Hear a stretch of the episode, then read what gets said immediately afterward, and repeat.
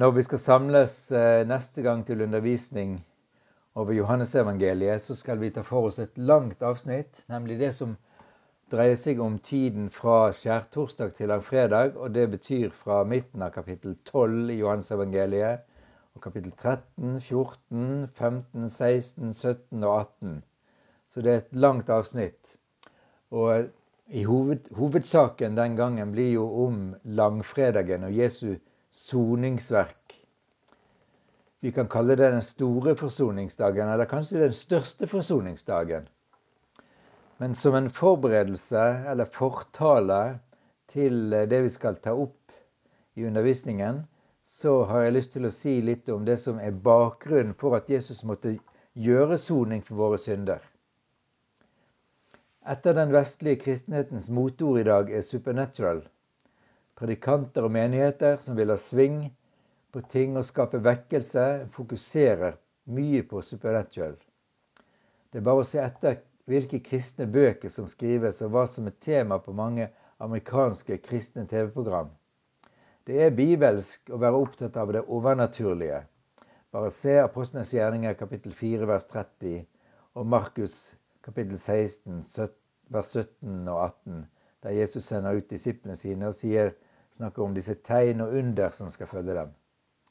Men det blir galt om det blir ubalanse, og det blir ikke dyp vekkelse om det ikke samtidig blir omvendelse fra synd. Derfor må vi si noe om syndens alvor i forbindelse med evangeliets beretning om Jesu død på langfredag. Vi kan bare forstå hva Jesu soningsdød betyr, om vi forstår syndens store alvor. Og Da vil jeg rette oppmerksomheten mot tre avsnitt i Det gamle testamentet først. Jesaja 14, Esekiel kapittel 28 og Salme 82. Spottevisen om kongen i Babel, som det står om i Jesaja 14, er i kristen teologi sett på som et bilde på engelen som var kalt til å lovprise Gud, men som pga. stolthet gjorde opprør mot Gud. Det står slik Det var du som sa i ditt hjerte, til himmelen vil jeg stige opp, høyere enn Guds stjerne reiser jeg min trone. Jeg vil gjøre meg lik den høyeste. Men opprør og stolthet har en fryktelig pris, og derfor så fortsetter teksten slik. Du har falt ned fra himmelen, du er slengt til jorden, til dødsriket er du støtt ned. Det er dommen over denne engelens stolthet, opprør og synd. Synd er fryktelig alvorlig. Den lignende tekst i Esekiel kapittel 28. Der står det Så sier Herren Gud, fordi ditt hjerte er hovmodig, har du sagt, jeg er en Gud, jeg sitter på gudetrone. Derfor sier Herren Gud, fordi du gjorde hjertet ditt lik et gudehjerte, sender jeg mot deg brutale folkeslag. De styrter deg i avgrunnen. Salme 82 er en tekst som taler om det samme. Det som blir beskrevet som Guders forsamling, må svare til omtalen av Gudesønnen i Første Mosebok kapittel 6, Jobb kapittel 1 vers 6 og 2. Peters brev kapittel 2 vers 4, som taler om de engler som hadde syndet og ble styrtet ned i avgrunnen, hvor de holdes i varetekt med mørkets lenker til dommen. Gudesønnene blir anklaget av Gud for å gjøre urett mot de svake og fattige. Gud dømmer dem til å bli fratatt det evige liv som de var skapt til, og til å dø i likhet med menneskene. Denne dødsdommen over Satan og de andre falne åndsskapningene vil bli fullbyrdet når Jesus vender tilbake til jorden i sin herlighet. Igjen, synd er fryktelig alvorlig. Første Mosebok heter på hebraisk Bereshit og på latin Genesis. Ordene betyr 'i begynnelsen'. Vi, kan, vi, er bare så vidt i gang med menneskehetens historie når den falne engelen entrer Edens hage, paradiset, og lokker Eva og Adam med seg i opprøret mot Gud. Har Gud virkelig sagt, spør han forførende. Og dermed synder mennesket for første gang. Dommen er at Eva og Adam blir sendt ut av den fullkomne hagen. Isteden blir det torner og tistler. Gud feller så sin dom. Slangen kommer til å hogge Evas ett i hælen, men Evas ett skal knuse slangens hode. Ordet til slangen er bare et domsord, men til Evas ett er det både et domsord og et frelsesord. Det må vi se på seinere. Men saken er at synd mot Gud er fryktelig alvorlig. De neste kapitlene i Første Mosebok forteller om syndens utvikling. Det illustrerer hvordan slang, slangen, Satan, fikk innpass hos menneskene. Forførelsen og opprøret mot Gud er enormt. Dommen over synden er tilsvarende sterk og alvorlig. Tenk på Kain. Tenk på storflommen som det fortalte om i Første Mosebok 6, der det heter at menneskenes ondskap var stor på jorden, for alt de planla i sitt hjerte var vondt. Da angret Herren at han hadde laget mennesket på jorden, og var full av sorg i sitt hjerte. Og Herren sa, Jeg vil utslette menneskene som jeg har skapt. Menneskeheten gikk under i flommen, men Noah, som sto imot forførelsen, ble reddet. Tenk på tårnet i Babel, første Mosebok 11. Så kommer historien om Sodoma og Gomorra. Igjen får vi høre hvor alvorlig synden er. Det fantes ikke redning for Sodomas innbyggere. Byen gikk under i svovel. Dommen var total. Tenk på konsekvensen av Jakobs synd mot sin bror Esau også brødrenes synd mot Josef. Synd skaper skille. Skille mellom mennesker og skille mellom mennesker og Gud. Ved Guds nåde fikk Jakob omvende seg, slik at det også kunne bli forsoning mellom ham og broren. Ved Guds nåde tilga Josef sine brødre, slik at de kunne forsones. Men syndens konsekvenser er alvorlige for individet og kollektivet, samfunnet. Farao må være et av de tydeligste eksempler på en som blir mer og mer fanget av syndens og djevelens makt, mens han fortsetter sin stolte motstand mot Gud og Guds profet. Farao blir så bundet av sin synd at han ikke kommer ut av den. Farao besatt av tanken på å utrydde Guds folk. Dermed blir han også et avbilde av djevelen. Farao kunne ha bøyd seg for den allmektige og hans profet Moses, når han gang på gang ser at Gud er mektigere enn han selv. Men han fortsetter inntil Gud dømmer hans eget hus på en skremmende måte. Da gir han seg endelig, men bare for en tid. Farao setter inn sitt siste angrep mot Guds folk, og det ser ut som han vil lykkes. Men ikke engang den mektige farao kunne overvinne Guds folk ikke fordi Israels folk var mektige, men fordi de hadde en allmektig som sin Gud. Dommen over faraos stolthet blir stor. Hele hæren hans drukter i Rødehavet. Det er konsekvensen av synd mot Gud og Guds folk. Det finnes nesten ikke tall på alle gangene Israels folk eller enkeltpersoner gjorde opprør mot Moses under vandringen gjennom ørkenen. På den måten vakte de Herrens vrede, og hver gang opplevde de at Herren måtte dømme dem. Et av opprørene handler om Kora, som sammen med Datan og Abiram fikk med seg 250 israelitter som var ledere i menigheten. Det står fortalt i 4. Mosebok kapittel 16. Moses kaster seg i ydmykhet ned for Herren og sier til folket, i morgen vil Herren gi til kjenne hvem som er hellig. Da viste Herrens herlighet seg for hele menigheten. Herren sa til Moses og Aron, skill dere ut for denne menigheten, så skal jeg fortære dem på et øyeblikk. Så alvorlig er synden. Fordi Moses gikk i forbønn for Israels folk, var det bare Kora, Datan Abiram og deres hus som ble drept. Slik står det hvis Herren viser sin skapermakt slik at jorden åpner gapet og sluker dem. Med det samme han hadde sagt dette, revnet jorden under dem. Jorden åpnet gapet og slukte dem og boligene deres, alle som holdt med Kora og alt de eide. De og alle som tilhørte dem, for levende ned i dødsriket. Jorden skjulte dem, og slik ble de utryddet fra forsamlingen. Selv om israelittene opplever Guds dom over opprøret, gjorde de opprør enda en gang. 4. Mosebok kapittel 21. Folket ble utålmodig og tok til orde mot Gud og Moses. Da sendte Herren serafslanger inn blant folket. De bet israelittene, og mange av dem døde. Folket kom til Moses og sa, Vi syndet. Be Herren om at han må ta slangene bort fra oss. Opprøret var synd. Synden førte til dom og straff. Det var bare én måte å få slutt på straffen, nemlig synserkjennelse og synsbekjennelse. Da bød Herren Moses lage en serafslange og sette den på en stang, slik at hver den som så opp på denne slangen, fikk leve. Denne hendelsen refererer Jesus til i samtalen med Nikodemus i Johannes kapittel 3.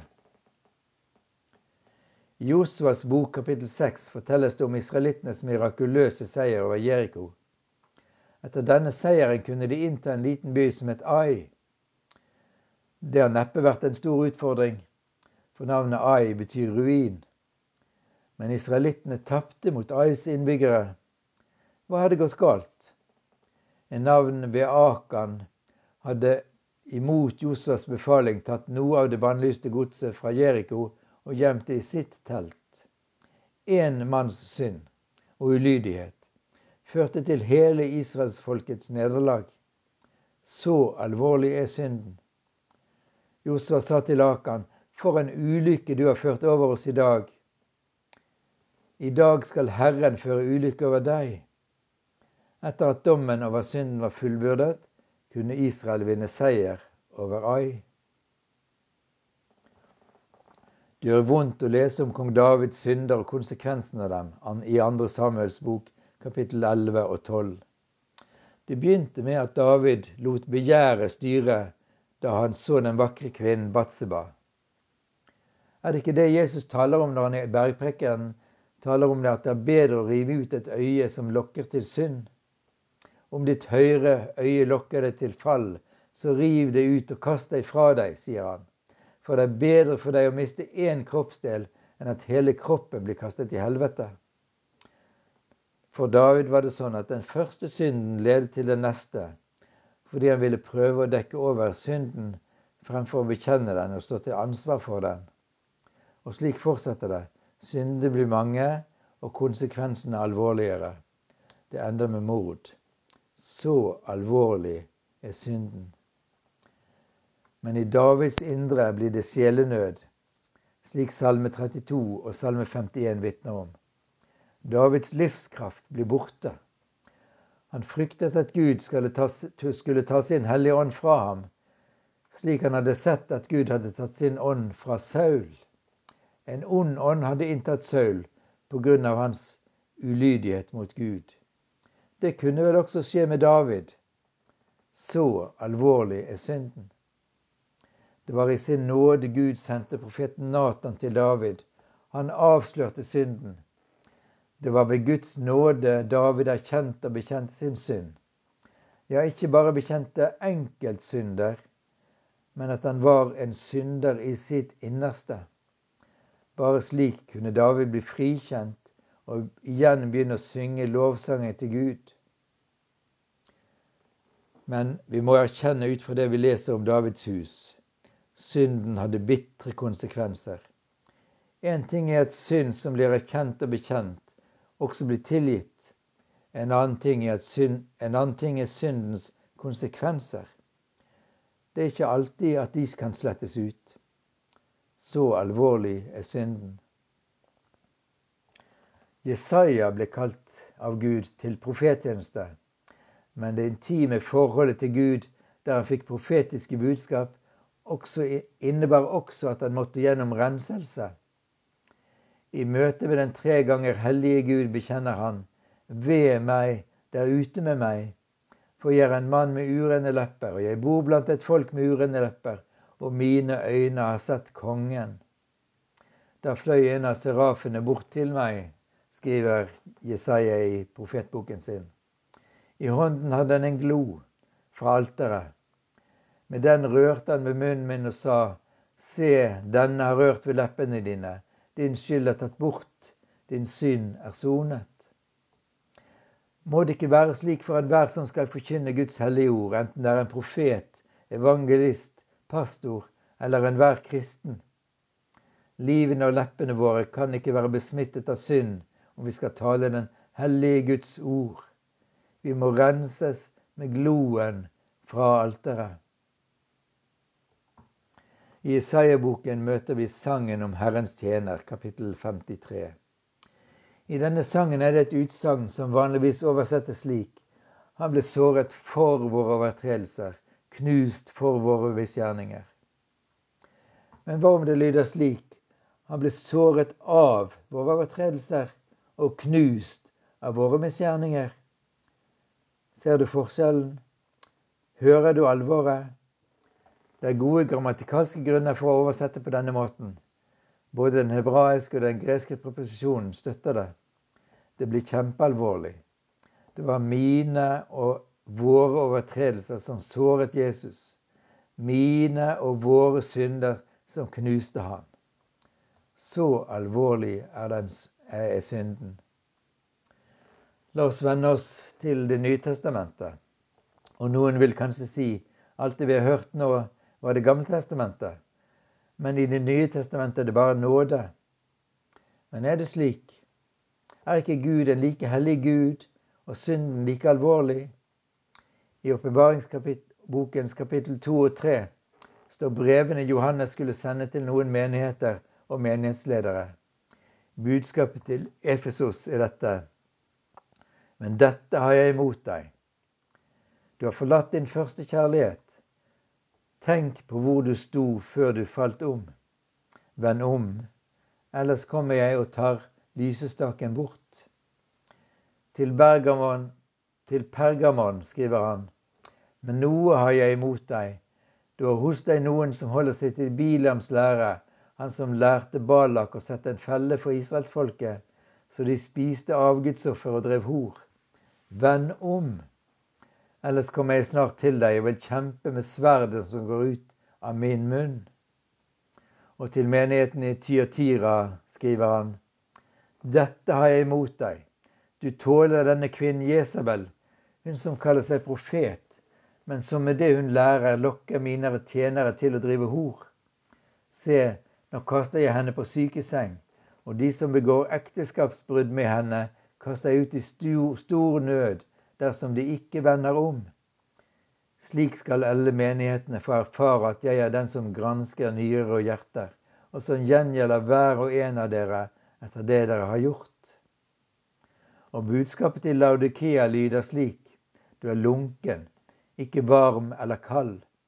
Derfor vil jeg spytte det ut av min munn. Du vet ikke at det er ulendig og ynkelig, fattig, blind og naken. Det slutter slik. Jeg refser og irettesetter alle dem jeg er kjær. La det bli alvor, og vend om. Så alvorlig er synden om den får rom i menighetene. Mot slutten av åpenbaringsboken står det om dommen, kapittel 20. Så alvorlig er det å ikke være frelst. Både på hebraisk og på gresk er det flere ord for synd. Ordet overtredelse peker på et lovbrudd, og lovbrudd innebærer skyld, dom og straff. I Det nye testamentet, særlig Johannes og Pauluske brevene, brukes det greske ordet hamartia. Konsekvensen av hamartia er at det blir et skille mellom menneske og Gud. Menneskelig sett er det forskjell på syndenes alvorlighetsgrad, men i forholdet til Gud er det ikke slik. Gud er hellig, og alt som skal være i hans nærhet, må også være fullkomment hellig. Den amerikanske teologen Michael Heiser gir i boken 'Hva vil Gud oss?' følgende definisjon. Synd er lik enhver handling eller holdning som gjør opprør mot eller motsier Guds normer for rettferdighet, moral og etikk. Synd skiller mennesket fra Gud.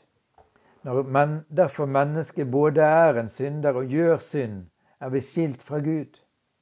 Den iboende synden er den som er arvet fra det første mennesket, Adam. Derfor kalles den i teologien arvesynd. Paulus beskriver den i Rombrevet i kapittel 4, der han viser kontrasten mellom, mellom ham og Kristus. Synden kom inn i verden på grunn av ett menneske. Og kapittel 7 er et alvorlig ord. Jeg er av kjøtt og blod, solgt som slave til synden. Og Paulus fortsetter med å beskrive synden som bor i meg. Det er syndens alvor. I Det gamle testamentet var det en mengde ofringer for å bøte på problemet, men ingenting av dette var fullkomment. Det nye testamentet vitner imidlertid om ett fullkomment soningsoffer. Jesu død på korset i vårt sted. Og derfor kan Paulus bryte ut i jubel. Så er det ingen fordømmelse for dem som er i Kristus Jesus. For Åndens lov som gir liv, har i Kristus Jesus gjort oss fri fra syndens og dødens lov. Rombrevet 8.1. Hva om vi svikter i forhold til det vi vet er rett, og faller i synd? Michael Heiser skriver hva om vi mislykkes? Hva om vi synder? Vi kommer til å gjøre begge deler. Gud vet det. Han kjenner menneskene godt. Han vet hvem vi er, og han elsket oss allerede før vi hadde den minste interesse av å elske ham tilbake. Han elsket oss da vi var hans fiender, mens vi ennå var syndere. Rombrev 5,8. Gud elsker oss før vi er en del av hans familie. Hvorfor skal han elske oss mindre eller slutte å elske oss nå som vi er en del av familien hans. Når vi synder og mislykkes, tilgir han oss. Han vil at vi skal tro det og fortsette å etterligne Jesus. Apostelen Johannes skriver det slik. Dersom vi vandrer i lyset, slik han selv er i lyset, da har vi fellesskap med hverandre, og blodet fra Jesus, hans sønn, renser oss for all synd. Sier vi at vi ikke har synd, da bedrar vi oss selv, og sannheten er ikke i oss. Men dersom vi bekjenner våre synder, er Han trofast og rettferdig, så Han tilgir oss syndene og renser oss for all urett. Nå har det gitt oss en frelsesmulighet gjennom Frelseren Jesus Kristus. Det herlige budskapet skal vi snart løfte fram. Men det er tilgjengelig allerede nå. Jesus er tilgjengelig i dette sekund om det er noe du trenger å snakke med han om. Han gir full tilgivelse for alle våre synder, for han har gjort soning for dem, en fullkommen soning. Vi avslutter med det som er Bibelens mest siterte ord. For så høyt har Gud elsket verden, at han ga sin sønn den enbårne, for at verden som tror på ham, ikke skal gå fortapt, men ha evig liv. Johannes 3, 16.